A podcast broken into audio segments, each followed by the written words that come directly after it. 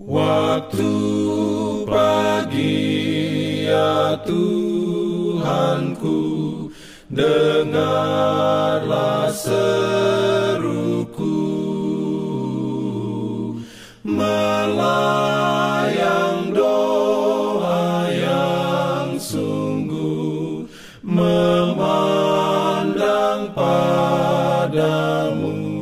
Selamat pagi pendengar Radio Advent Suara Pengharapan Mari mendengarkan suara Tuhan melalui tulisan pena inspirasi bersama Allah di waktu fajar. Renungan harian 15 Desember dengan judul Malaikat menghubungkan kita dengan surga. Ayat inti diambil dari Matius 18 ayat 10. Firman Tuhan berbunyi, "Ingatlah, jangan menganggap rendah seorang dari anak-anak kecil ini, karena aku berkata kepadamu, ada malaikat mereka di surga yang selalu memandang wajah Bapakku yang di surga.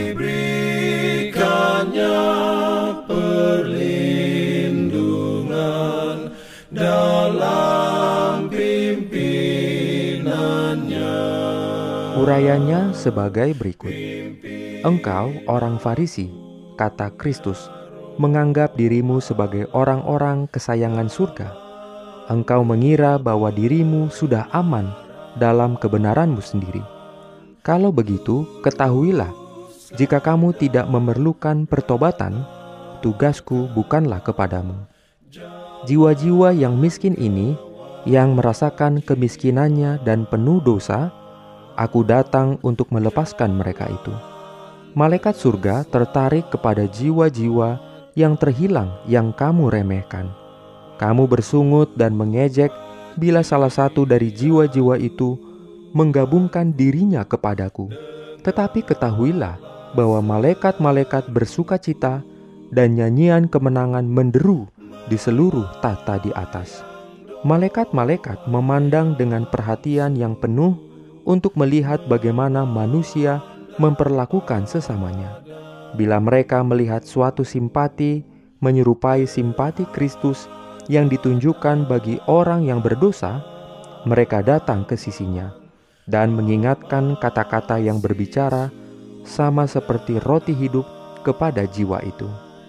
Jika domba yang terhilang itu tidak dibawa kembali ke kandang, ia tersesat sampai binasa, dan banyak jiwa semakin menurun menuju kebinasaan yang ingin agar satu tangan diulurkan untuk menyelamatkan mereka. Orang-orang yang berdosa ini boleh tampak keras kepala dan tidak peduli, tetapi jika mereka telah memperoleh manfaat yang sama yang diterima orang lain, mereka dapat menunjukkan jiwa yang lebih anggun dan mempunyai talenta yang lebih besar dan lebih berguna. Malaikat-malaikat menaruh kasihan terhadap musafir ini. Malaikat meratap sedang mata manusia kering dan hatinya tertutup untuk merasa kasihan. Di dalam kota itu, keadaannya sangat tertib dan harmonis.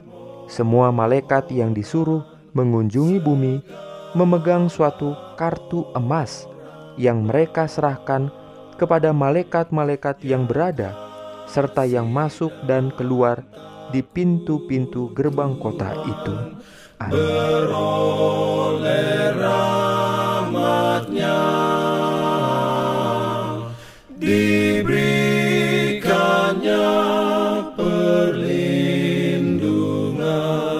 Dalam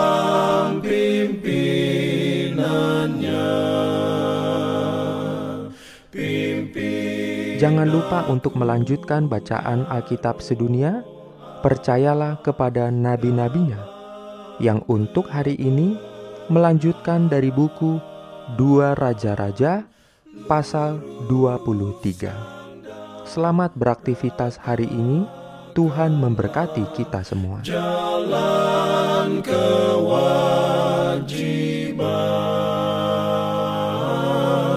Jalan